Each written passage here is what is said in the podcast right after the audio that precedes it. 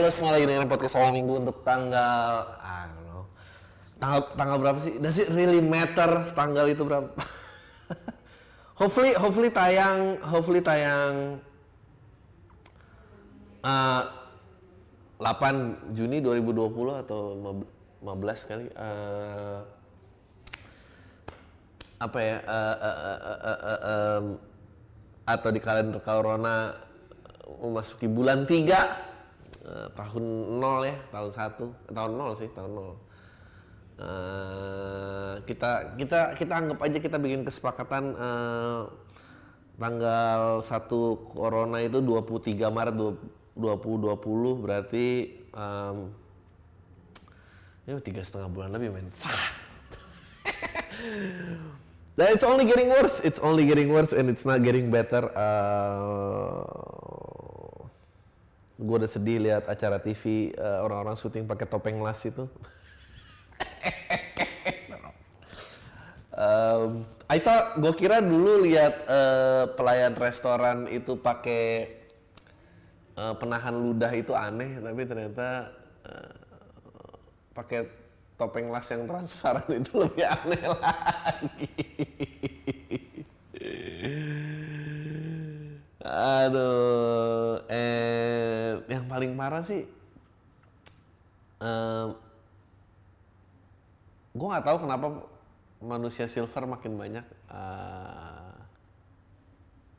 gue penasaran gimana memutuskan warna silver. Uh, dan gue tahu itu di bawah orang, men gue tuh selalu perasa gue pengen banget bikin dokumenter karena ini pasti ada yang menginisiasi gitu, and dan pasti ada reportnya, maksudnya uh, gue percaya banget sama marketing gitu ya. Uh, pasti ada reportnya di mana dari mulai ngemis biasa, and then ngamen, and then gue rasa kalau ngamen tuh atau ngemis biasa mungkin nggak punya asosiasi gitu mereka berpencar dan berdiri-berdiri sendiri tapi yang kayak mulai waktu itu uh, tuyul-tuyulan tuh apa sih yang pakai pala gede bayi itu? Itu. Sama pengamen yang udah pakai angklung apa udah ribet instrumennya dan uh, itu sama manusia silver tuh itu pergerakan men. Dan itu orang yang sama gue rasa kayak si topeng tuyulnya udah basi and silver gimana? Gue tuh cuma gue cuma ngebayangin meetingnya kayak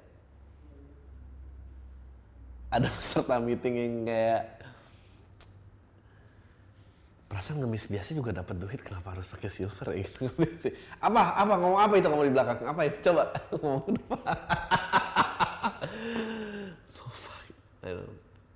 Uh, terus yang sedih lagi tuh adalah anjuran jangan mudik dari pemerintah gitu. Wah, yang pakai kolase kolase klip dipotong. Jangan mudik jangan. Aduh ya Allah. Jangan mudik aduh. sedih. Wow. Uh, ada ada pemerintah ada pejabat yang kecewa nggak ya? Dia nggak masuk hari itu tuh nggak dapat notificationnya terus ketinggalan produksi. Loh udah submit tuh semua. Udah submit aku mau tuh ikutan terus bilang lagi ke editornya mas maaf mas revisi mas sebenarnya bagian liriknya si bapak ini dibagi dua aja ada yang mau masuk bilang. Uh,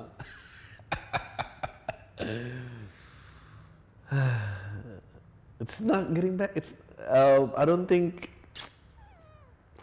we're ever coming back. I mean, it's only getting worse. Uh, di Amerika udah rusuh. Uh,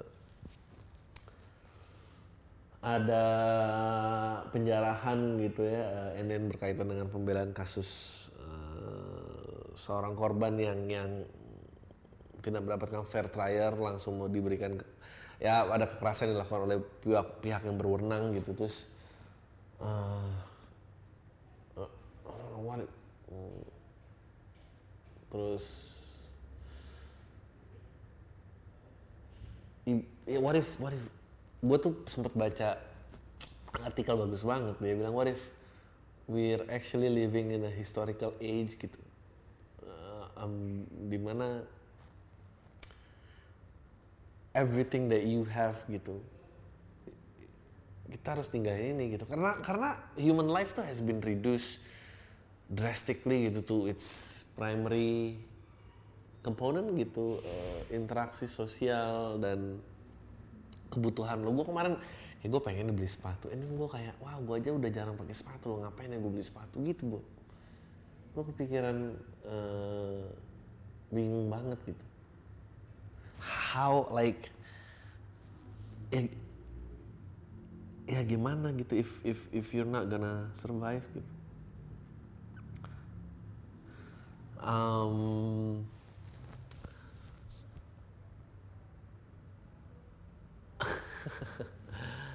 what if there's no more concerts and you know going to mall and uh, everything become the thing of a past gitu? Like apakah kita sudah siap sih you know uh, lucu banget uh, abis pam gayanya kayak gini which I really really love uh, semua orang kayak nyampein ke saya lu tuh stres ya lu ntar lagi lu jadi joker yang bunuh diri dan segala macam dan gila. Ya nggak apa-apa biar lu lihat gitu the impact of social media gitu. Dan dan dan uh, social media jadi ber, tambah berjaya banget kan gara-gara pandemi ini gitu. Eh anything any platform yang terus banyak. So you, what you have to understand tentang marketing adalah paling penting dari marketing itu uh, traffic. So when you create something dan itu creates the traffic, itu harus dijaga gitu, bahkan diperbesar trafficnya. Nah, uh, semua di kala pandemi ini yang yang bikin games tebak-tebakan lah. Uh, kemarin ada apalah sejarah hukum agama, sejarah agama apa, ya pokoknya semua baca note lah apa. Now you can lu lu lu bikinnya di situ karena that, that's where the traffic is gitu kan. Dan um, buat gua yang nggak pernah sebutkan negara binatang dan tumbuhan yang awalnya J um, um, Jamaika jambu dan gua nggak bisa ngelakuin itu ya. Jadi gua tuh makin tersiksa gua. Gua mau join rasanya. Nggak nggak nggak ada uh, kayaknya faedahnya buat uh, ketenangan jiwa lo gitu.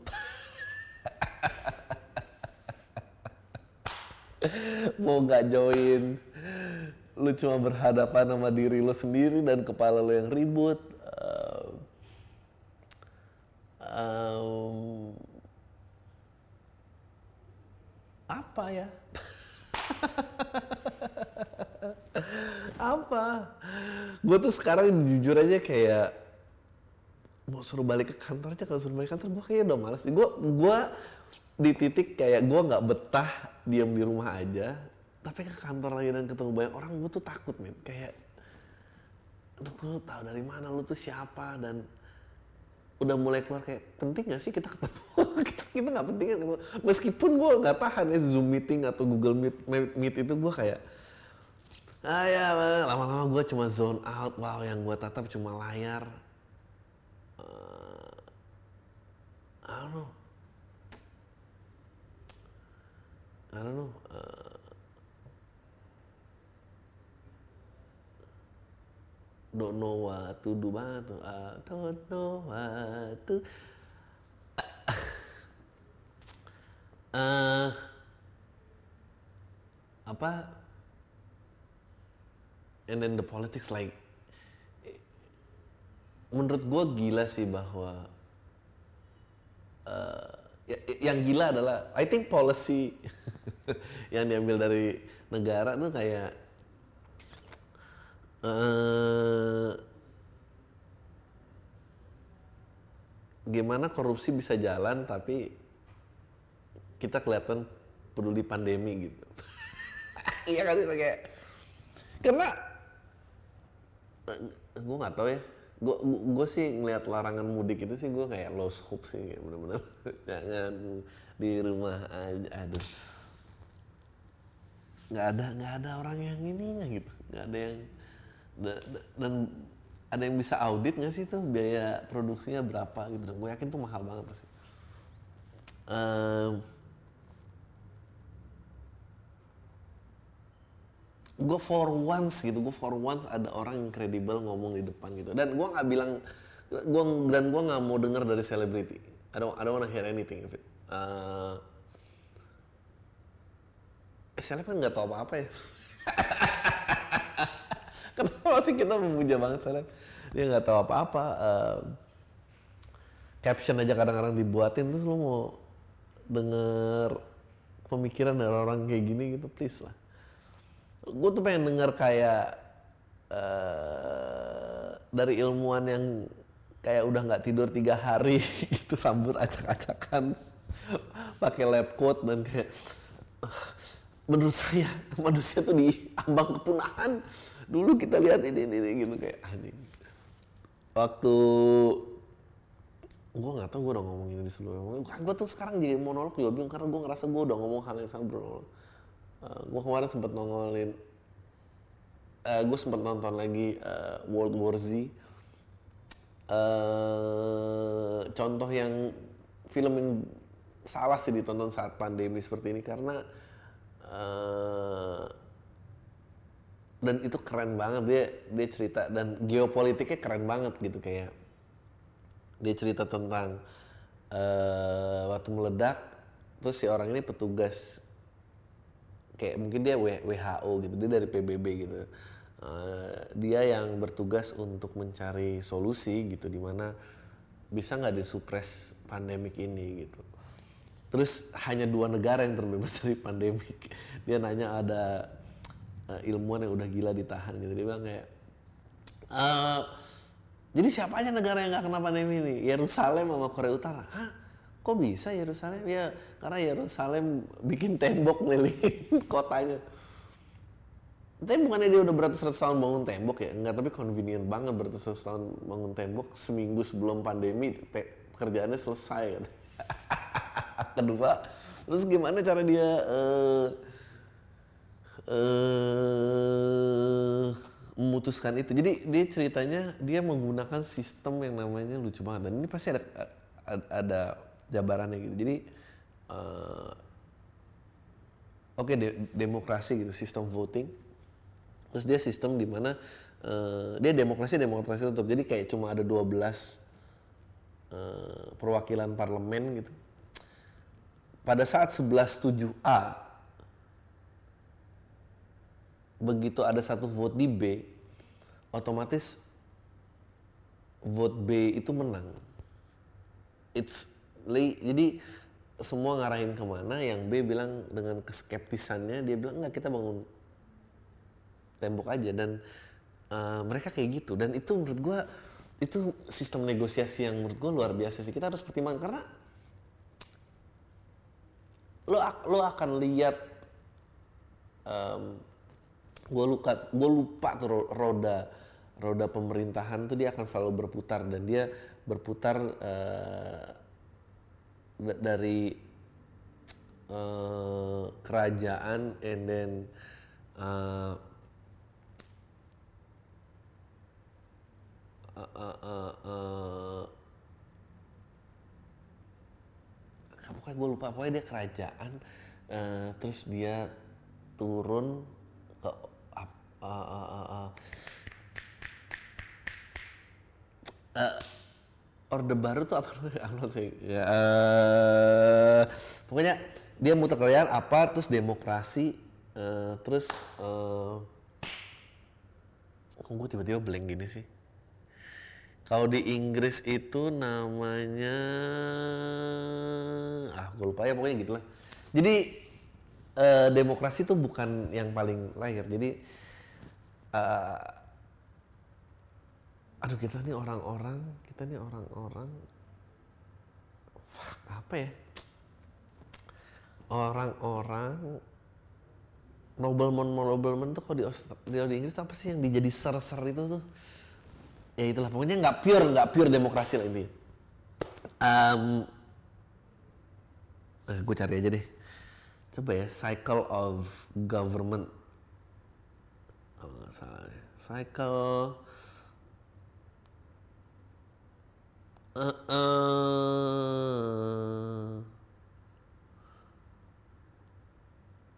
Polybius ya, Polybius.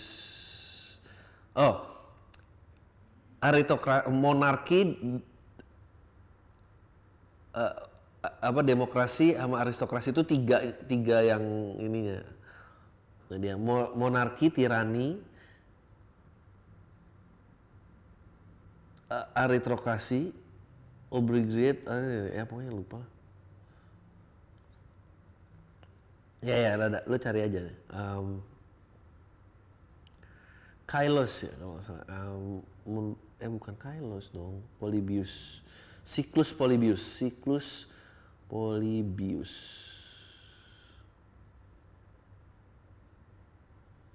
You would see di mana uh, kita, I, I think we also in the end of democracy. Jadi oklokrasi, monarki, balik lagi. Monarki, tirani, aristokrasi, oligarki, demokrasi. Um, so dia akan vicious cycle kayak gitu. Karena karena udah outnumber maksudnya siapa gitu um, who to follow gitu. Dan sekarang udah and then people it's funny how dan dan dan lu kayak mes mengalahkan expertnya tuh udah unacceptable memang. Um, terus lo mau rely sama siapa gitu? Uh,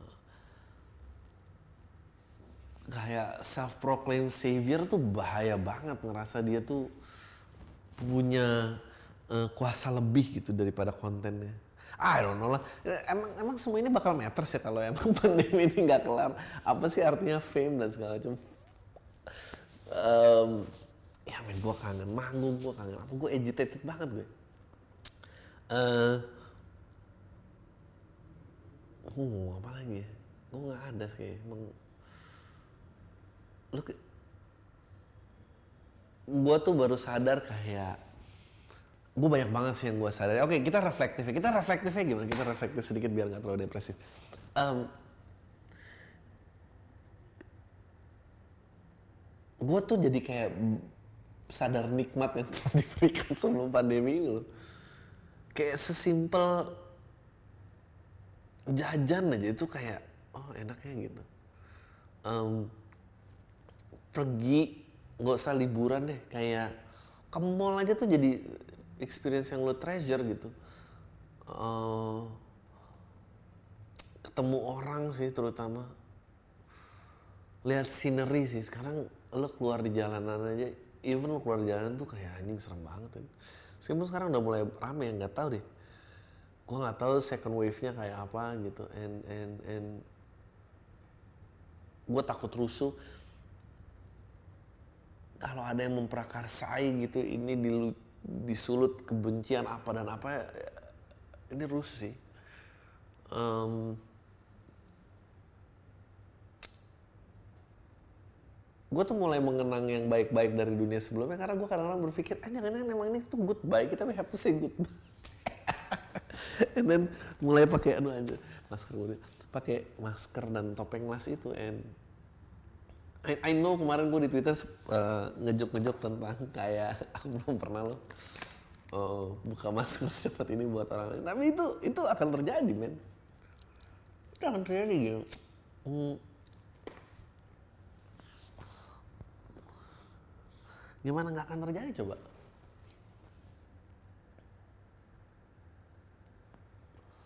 Sekarang lo tahu siapa teman-teman lo yang sebenarnya. Dan orang-orang yang nggak punya temen tuh seneng karena ih akhirnya semua orang sama rata sama gue. cuman cuma dia lagi nggak ngerasa kayak eh, kok gue doang yang nggak punya temen. Uh,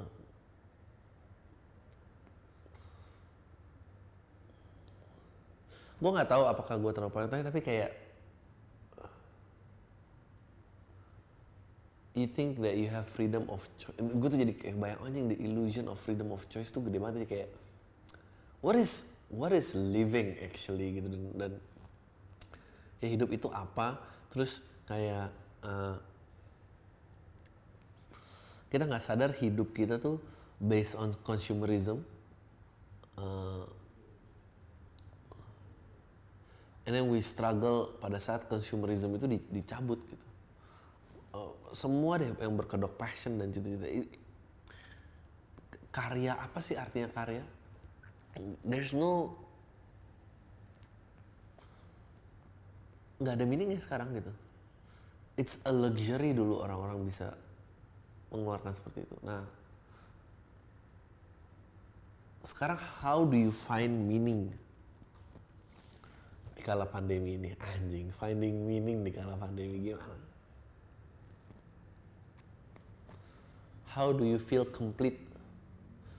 Pada saat consumerism itu dicabut. Pada saat nggak ada. Maybe maybe only survival Eh, oh gue harus nyaranin ya. Gue tonton. Eh, video di YouTube. Dia komedian juga tapi dia baru ngambil master apa apa lulus suatu seremoni dia suruh pidato. Eh, nine pokoknya nine advice tentang hidup. Dia bilang it's okay not to have a dream. Hmm. most of big dreams itu takes a lifetime to achieve it and then when you achieve it you're about to die. So buat apa? Terus dia bilang be micro ambitious katanya. Jangan. Kerjain aja apa yang bisa karena lo nggak pernah tahu itu akan mendorong diri lo sampai di mana. Terus dia bilang eh hargai orang kecil karena gua akan ngejudge lo based on bagaimana cara memperlakukan orang lo memperlakukan orang lain with apa with less fortune. Eh, take care of your body you gonna need it. Exercise eh dia bilang exercise itu, itu tiga yang gue ingat tiga. Eh, terus dia bilang sabar be patient. Dia lo nggak butuh terburu-buru. Terus yang keren dia bilang have opinion on something. Dia, ada orang yang bilang opinion itu seperti asshole semua orang punya satu. Tapi dia mau tambahin kalimatnya. Yaitu harus sering diperiksa secara reguler. Karena lu kalau udah tua kan lu ntar prostat cancer. Jadi pantat lu harus sering diperiksa nah maksudnya dia ada opini juga harus di- sering diperiksa gitu dan ditantang terus menerus diasah apakah kebenarannya itu valid. Dan kebenarannya akan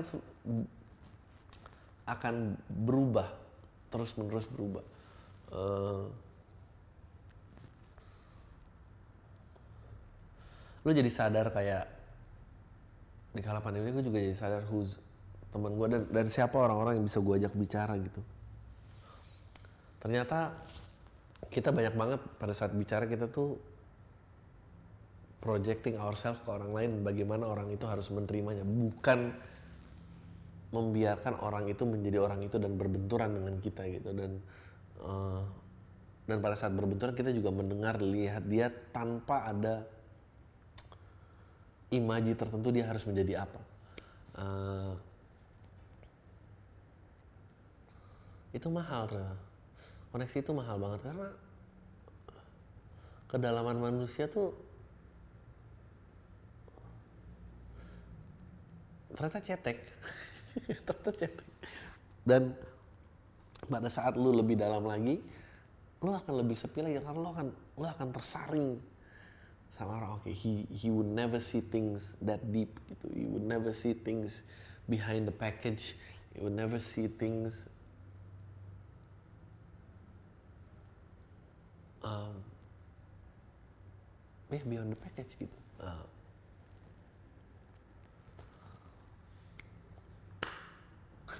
kesunyian ini. Mus musik tuh kayak kayak misalnya musik bisa music, music is universal language tapi music and society itu connect banget dan dan dan sekarang mengerikan dari pandemi ini memang memang struktur sosialnya yang terserang. Yang bikin eh, nggak tahu ya. Eh, susah memang melihat, menemukan meaning di balik sesuatu yang sangat pristine gitu. Lu lu mulai nggak percaya dengan kebahagiaan yang diposting di sosial media gitu. Um, dan gua aja terganggu loh. Betapa banyaknya orang cakep di Instagram tuh gue terganggu cakep dan terus berbakat jadi kayak apa sih lo um, padahal mestinya ya nggak usah terganggu gitu. Tapi gue nggak bisa. How? Tapi kemarin juga um, gue ngomong sama Habib tuh menarik banget bahwa a belief system misalnya in this case religion atau dia akan terus survive gitu. Lo udah li lo udah lihat benda ini diserang beratus-ratus abad yet bendanya nggak pernah hancur. It, it, itu it says something loh. Uh, ya yeah, way of life uh, belief love it, perasaan itu itu sesuatu yang apa istilahnya tak lekang zaman apa namanya? Apa? Tak kakak tak dikekang zaman ya. Nggak nggak nggak dikekang zaman. Itu dia what if those are the truth? Kita harus mulai mikirin karena money kita mungkin ke depan tuh money bukan isu pada saat money bukan isu possession possession itu bukan isu. Uh, pada saat possession bukan isu then we have to find something else eh, yang bisa mendefinisikan diri kita. Uh, dan dan dan itu a search of meaning dan itu perjalanan yang sangat sunyi dan meditatif sekali sebetulnya. Uh, to connect with people gue rasa juga itu basic needs gitu. Jadi how do you connect gitu? How apakah creating jokes masih valid? uh, apakah uh, membuat film masih valid gitu? Uh, apa gitu arti apresiasi gitu? Uh, ya lu lu tonton deh. Si Tim Minchin itu gue gue suka banget gitu. Uh, dia bilang eh, gue tuh nggak pernah punya profesi gue punya komedian jadi gue punya bloated importance tentang diri gue sendiri anjing. Dan dia lucu banget dia menyadari itu tentang dirinya dia gitu. Uh, I don't know gue pun juga nggak tahu. I'm I'm I feel beyond blessed tiba-tiba ada era gitu gue diizinkan di sebuah era di mana people heard about my opinion. Uh, I don't know ini akan jadi apa gitu. Apakah baru 200 tahun lagi orang menemukan ini dan kayak anjing Andri make sense banget. Kayak lo tau kan memes-memes kayak we all living in 2020 he's living in 2050 c gue udah duluan. Um, Iya, tapi mungkin buat gue uh, yang paling berat dari pandemi ini adalah interaksi sosial yang terserang sih. Dan itu itu karena in in search for meaning atau wisdom itu kan harus ketemu orang harus ini. Lu I I know tapi di sisi lain juga gue tahu bahwa you have everything what that you need inside you tuh itu juga sama benarnya. Uh, tapi it's so damn hard man. Apalagi lo kayak baru tiga bulan gitu berpisah dari gaya hidup normal lo. Uh, gue gak tahu ya udah berapa banyak keluarga yang kehilangan uh, merasa kehilangan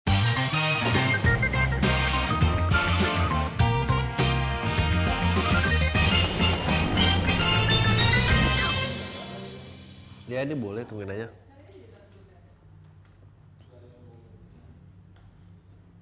Oke.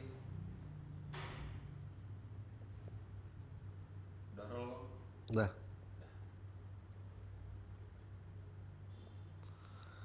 Okay.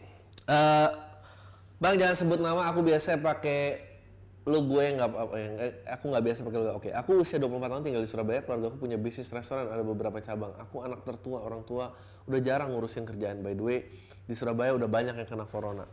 Aku heran banget sama orang tua ini beberapa hari lalu mereka nonton video Instagram yang flattening the curve, corona the corona curve. Sejak nonton itu mereka nggak keluar rumah nyetok makanan, aku nggak boleh keluar rumah, kerjaan kontrol via telepon aja. Aku usulin gimana kalau restoran ditutup dulu biar karyawan juga terhindar dari corona. Eh mereka nggak mau lah katanya mau flattening the curve. Aku jadi sadar pemikiran orang ekonomi menengah atas ini gini amat ya. ya itulah yang susah kan banyak banget yang kayak bilang eh ya akhirnya orang-orang bawah yang harus berkorban dan dihadapkan dengan nyawanya. eh tapi gue nggak tahu ya gue waktu kemarin ngelihat eh, Najwa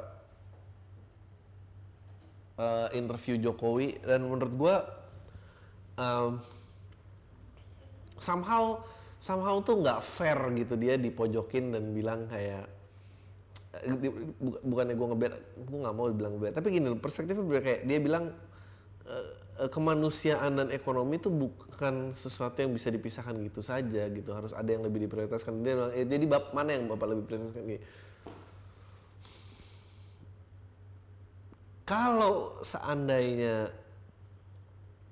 menurut gua mencibir orang yang masih keluar dalam keadaan PSBB seperti ini juga nggak memberikan solusi apa-apa gitu. Oke, stay di rumah, stay di rumah terus apa?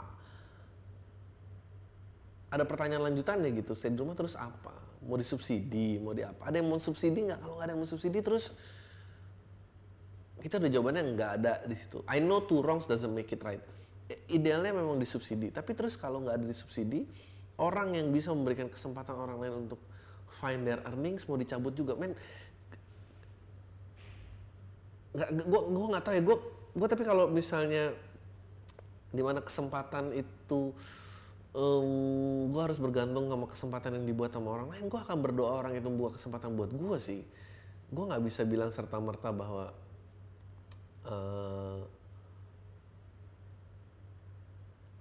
ya udah tutup aja gitu. Gue nggak gue nggak tahu. Makanya gue bilang eh, apa nggak lebih pahit lagi kalau kehilangan pekerjaan gitu? Apa nggak? Hal-hal seperti itu sih. So it becomes a vicious cycle di mana somebody atau something gitu instansi gitu harus step in di mana nggak kita subsidi gitu. It- itu paling ideal. Karena begitu itu enggak di bawah mau iya mau enggak mau ya it just doesn't matter dan cuma jadi perdebatan tentang ya udah makanya stay di rumah. We're in this together. No we're not we're not in this together.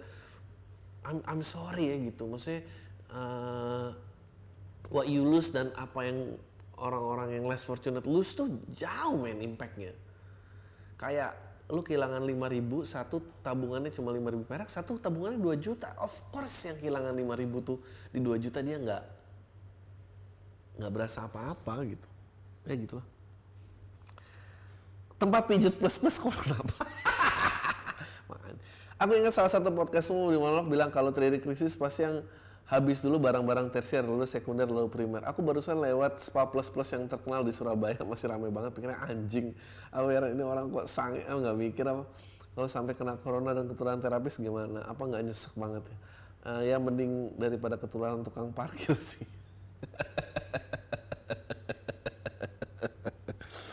Oke, aku ber- eh, baca di Italia karena akses Pornhub premium gratis untuk warga. Apa menurut nih bagus untuk diterapin di Indonesia, Bang? Enggak lah, itu itu menurut gue itu keing- kehendak apa agendanya korporasi aja untuk create traffic. Makanya kembali lagi deh, kayak marketing tuh obey the traffic banget gitu. If you can create the traffic bigger dan bigger, lu pasti mau itu karena momentum untuk menciptakan itu mungkin nggak bisa lu hilang gitu nggak bisa lu ulang ya misalnya gue bikin terus semua orang stay terus pandeminya hilang terus orang-orang tetap stay kan gue enak banget mau jualan di situ karena I have the traffic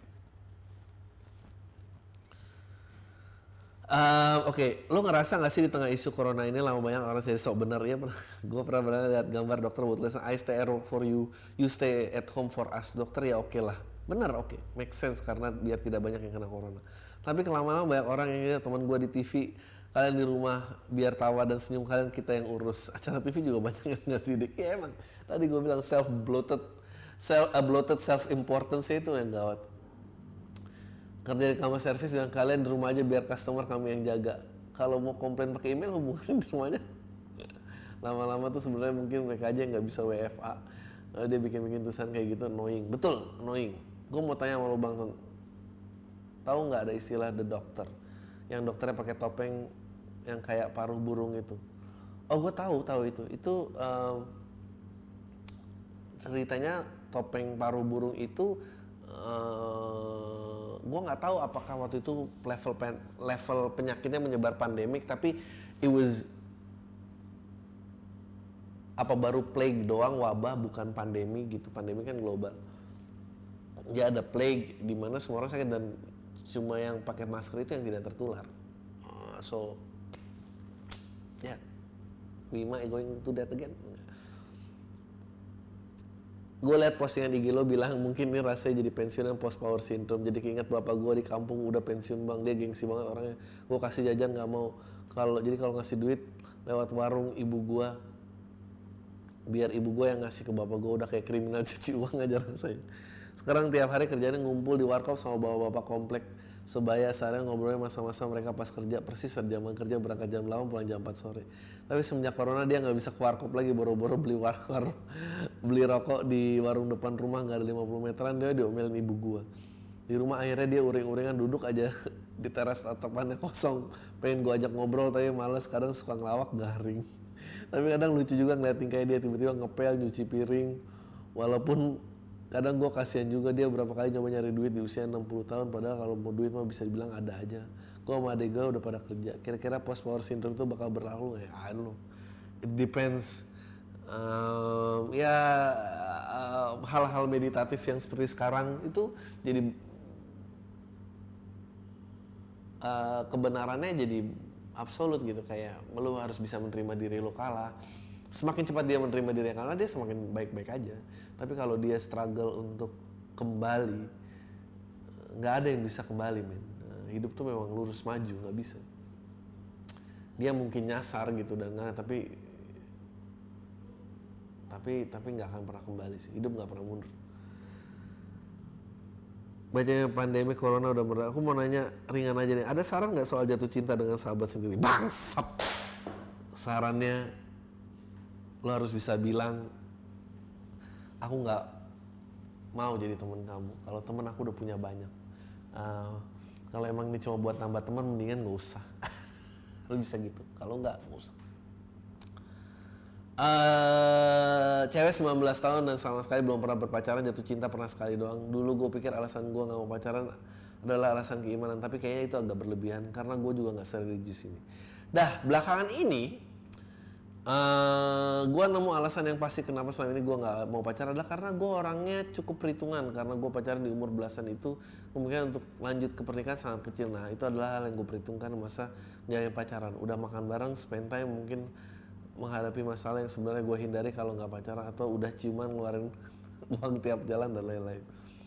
Pun makin ke sini gue makin susah suka sama cowok. Apalagi lo bilang kalau ada tiga cara kerja otak yang berbeda dalam berhubungan dengan oh berhubungan yaitu dengan siapa lo mau berhubungan seks dengan lo mau berbagi cinta dengan siapa yang lo menikah. Nah dari tiga hal itu jujur gue paling susah untuk melihat cowok seperti apa yang pengen mengajak gue berhubungan seks. jujur gue susah banget nafsu entah kenapa gue denial hal itu gue atau menganggap tabu Eh, atau emang gue belum nemu cowok yang cocok aja menurut lo gimana bang menurut gue lu belum ciuman aja sih. Kalau udah ciuman sih lain rasanya.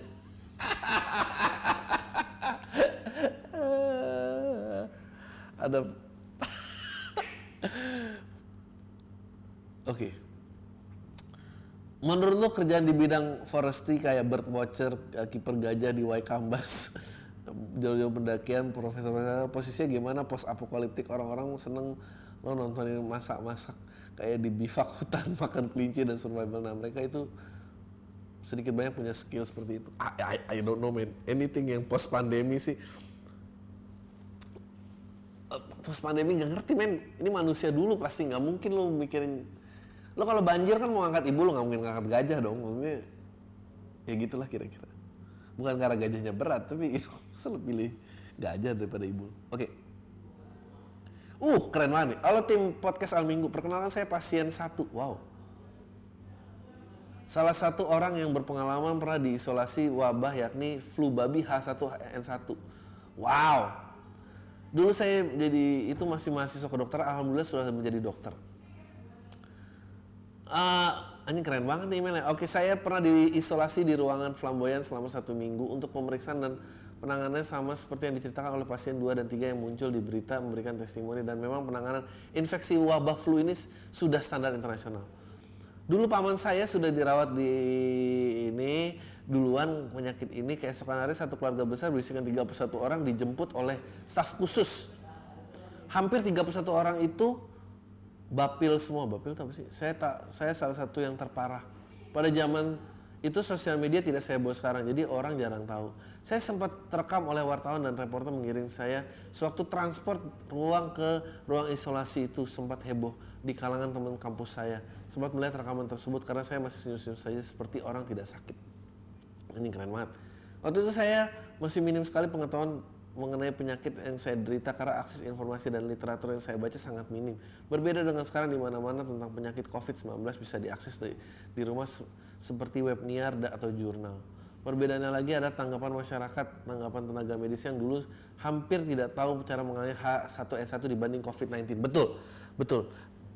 Jadi lo berusaha bilang bahwa sebetulnya they have it easier lah sekarang daripada kemarin ya. Kalau saya rasa yang namanya penanganan outbreak ini sepertinya pemerintah pasti kelabakan karena juga tidak setiap outbreak itu pasti ada tantangan baru yang harus dialami dari segi petugas kesehatan atau kebijakan politik itu sendiri.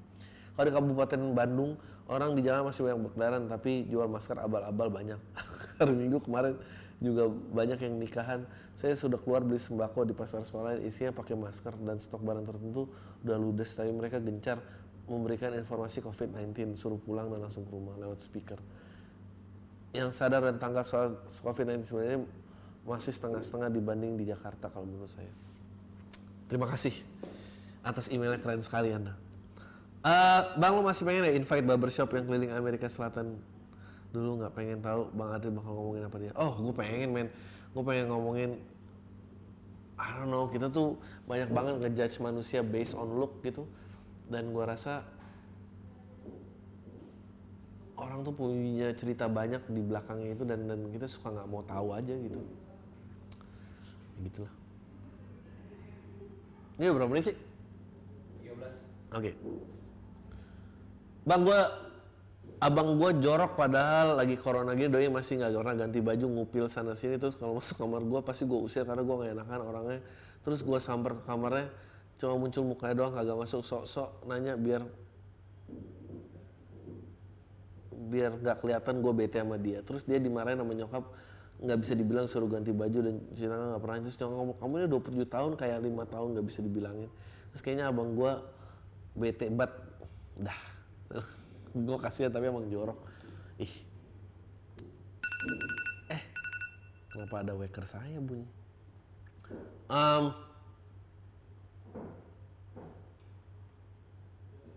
uh, apa ya? Halo bang, akhirnya buat podcast monolog lagi, uh, bang. Salah sat, salah nggak sih kalau ku swipe kanan di Tinder based on dia kuliah di mana? Enggak, nggak salah. Nggak paling nggak harus ada pegangan ya, mampu apa nggak mampu paling nggak. Uh, sering lihat mukanya pertimbangan swipe kanan kok berakhir nggak baik ya. Ada yang ngancem bunuh diri terus maniak sama jejepangan lah dan bikin stres sendiri.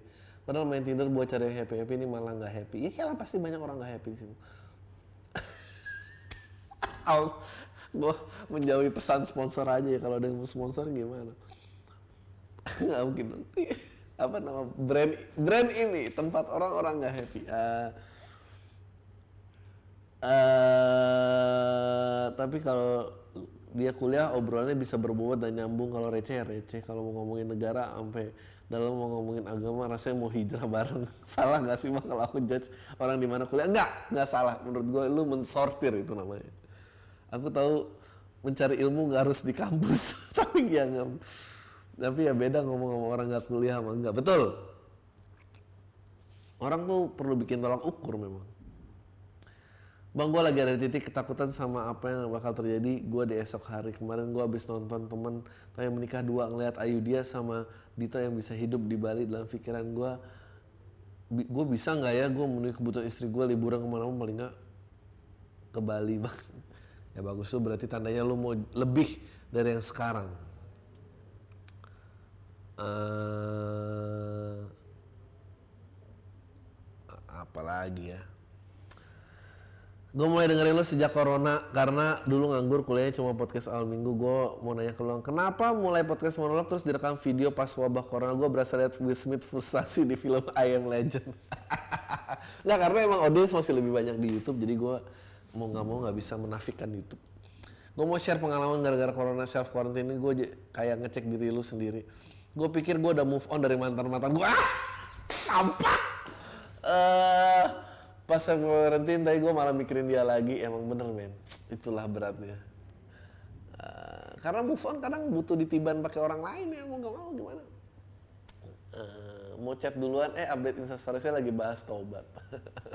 Semua, ya nggak banyak emang orang yang mau bercermin terhadap diri sendiri mau cari distraksi aja Ah, gue mau cerita tentang fenomena covid. Jadi gue adalah peserta didik di salah satu sekolah kedinasan negeri kita di sini. Karantina nggak boleh keluar ke mana-mana. Menurut kita sebagai peserta didik lebih baik dipulangkan ke daerah masing-masing. Tapi pimpinan menolak bang jadi menurut lo di karantina di asrama ini lebih baik apa enggak? Ya dia lebih baik lah. Susah men kalau mobil mobilnya tinggi ya mau nggak mau Gue dari Padang beberapa hari lalu gue dimarahin sama bokap gue karena gue jalan keluar. Ah, di saat wabah corona kata bokap gue kita nggak boleh keluar dulu jangan keluyuran ke mana-mana nanti terinfeksi corona. Jangan gara-gara kamu kita semua kena corona. Terus gue jawab oke fine.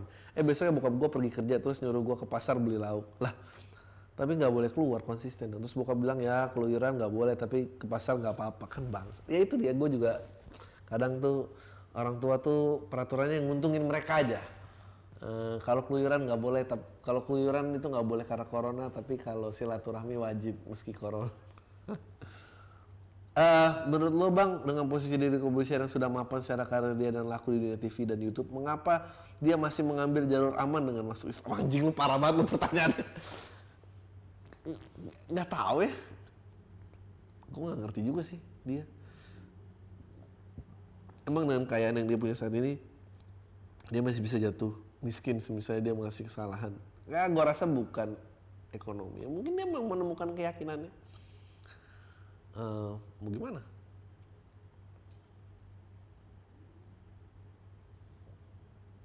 Oke.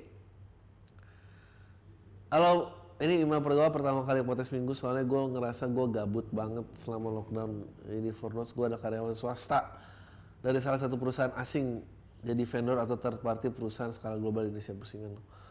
By the way gue kenalin ini ini ini ini, ini nama asli jangan Indonesia. Oke. Eh, Oke. Kantor gua udah memperlakukan kerja dari rumah sejak 16 tahun gua ngikutin kantor klien gua bla bla bla bla bla bla. Gue senang aja karena gue bisa bangun siang. Tapi senang itu tak berlalu karena hari-hari beranya gue nyadar bahwa gue bukan tipe yang bisa diam di rumah. Iya sementara gue tinggal di rumah mertua karena baru lima bulanan gue menikah. Sementara istri gue tetap kerja karena mungkin kantor istri gue ini nggak masuk zona merah pandemik. Gue sempat mikir mungkin akal-akalan aja istri gue biar bisa kabur dari gue. Goblok. Eh, sa- pagi sampai sorenya semoga nggak apa yang seperti gue pikirin. gue numpang nanya sama mertua jabatan lalalala ngomongin apa sih panjang banget. Permasalahan lain yang gue hadapin sama work from home adalah gue nggak bisa ngerokok. Emang sih. Tapi gue jujur lebih milih bohong daripada nyembunyiin. Bokap mertua gue punya penyakit jantung, bini gue eh, berprofesi sebagai apoteker. Ya gue memilih untuk ngalah, ya ngalah lah emang. Gue cuma bertahan diam di rumah, so-soan kerja di depan laptop, bolak balik nelfon teman kantor gue hari kedua kalender corona. Gue cabut dari rumah ngebohong, yang notabene parnoan. Ya Allah, hari ketiga kalender corona, gue bener-bener gabut anjing. Cabut nonton serial. Hari keempat anjing ini banyak banget sih. Hari keempat gue udah mulai cari alasan tiap hari pengen ngerokok gue harus keluar dari rumah. Thanks to my brother in law gue sogok pakai makanan bermecin tiap gue pengen keluar rumah tanpa harus ketahuan keluarga gue anjing. Gue agree dari istri kerja di kantor adalah sebuah pelarian. Karena masalah, masalah lockdown ini datangnya 6 bulan 7 bulan lebih cepat ke Indonesia Eh, please stay at home di medsos cause I'm all alone all at that time. Anyway, udah gitu aja. Anjing panjang ah. Ini terakhir lah, capek gue. Bang, mau tanya dari perspektif lo, yang kayaknya ignorance terhadap namanya passion, tapi lo pernah nggak punya impian terpendam sampai titik umur tertentu dan nyesel ingin kembali? Apakah lo pernah pada saat nyesel? Hidup gue kebanyakan isinya penyesalan.